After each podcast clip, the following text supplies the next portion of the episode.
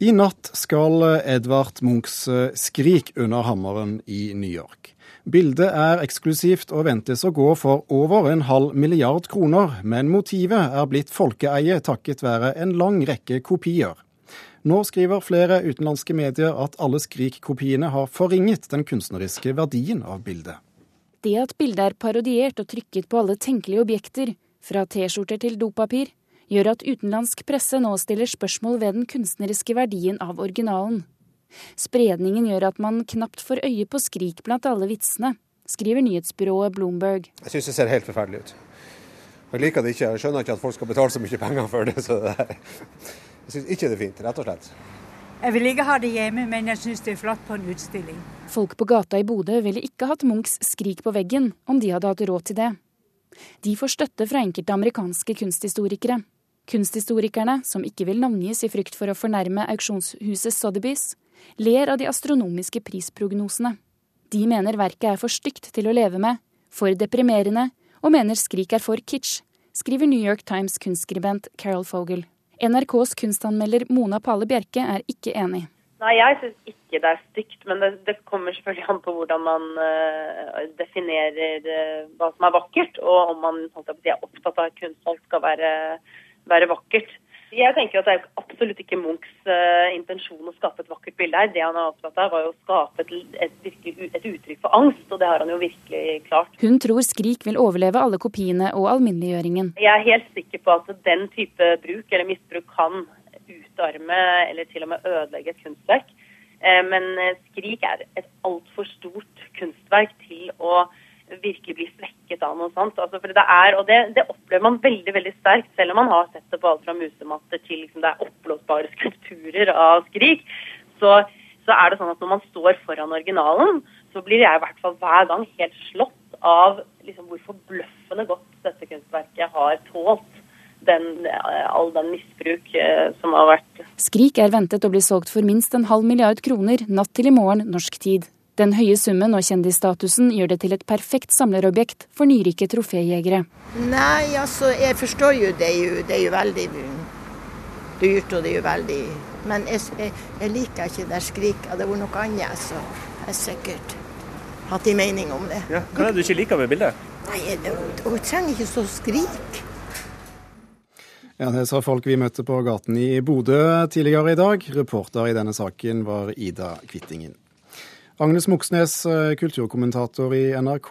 I kveld eh, starter altså den eh, mye omtalte auksjonen i, i New York. Hvem er de nyrike troféjegerne som dukker opp på kveldens auksjon? Ettersom de er nyrike, så sier det seg selv at man ikke har helt kontroll over alle av dem. Men en av dem kan jo være russiske Roman Abramovic, som vel har passert 45 år nå. Og han er jo en ekte troféjeger. Noen av trofeene hans er bl.a. fotballklubben Chelsea. Han, hvis du leser om han i Wikipedia, så dukker det opp sånn at han eier en helt spesiell Ferrari, han har noen yachter som er helt spesielle. Så han skaffer seg trofeer. og ett et av trofeene han allerede har skaffet seg, det er et eh, maleri av eh, britiske Francis Bacon. Det kjøpte han i 2008, og da satte han auksjonsrekord ved å betale 516 millioner kroner for det. Eh, hvorfor skaffer Abramovic og andre i hans uh, sjikt, for å si det sånn, seg disse objektene og, og, spesielle kunstverk? Ja, Dette er jo kanskje den mest tradisjonsrike måten å skaffe seg sosial prestisje på. Sånn har det vært i århundrer.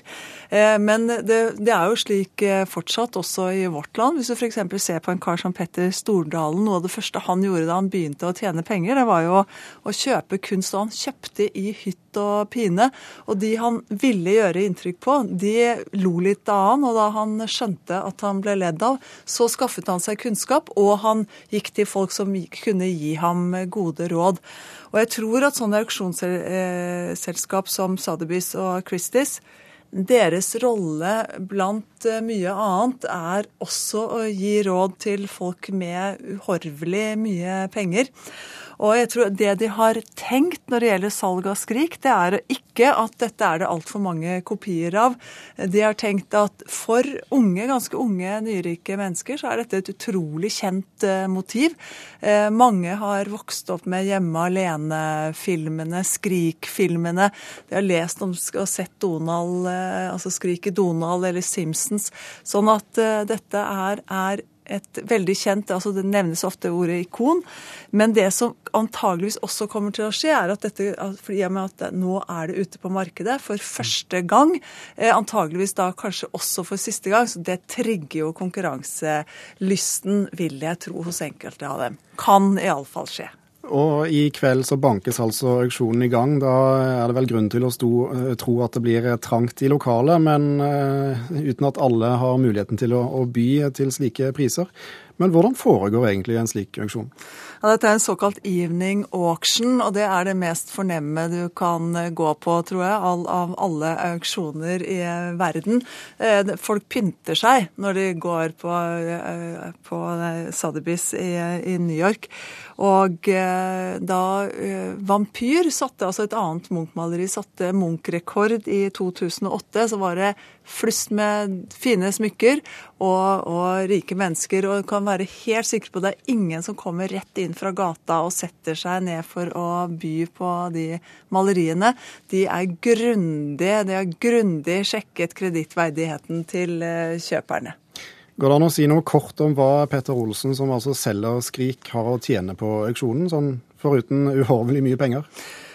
Ja, altså Det er helt utrolig mye hvor mye oppmerksomhet dette salget nå får. Det står om det i samtlige aviser jeg har vært og kikket inn. Både amerikanske, engelske, europeiske og veldig mange aviser også i Asia. Og det som går igjen, er jo at også The Petter Olsen Collection nevnes. Sånn at Petter Olsen får mye oppmerksomhet.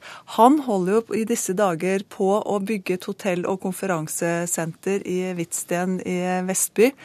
Eh, og eh, der bygger han også et eh, museum. Han har jo sagt at han selger Skrik for å kunne bygge dette museet.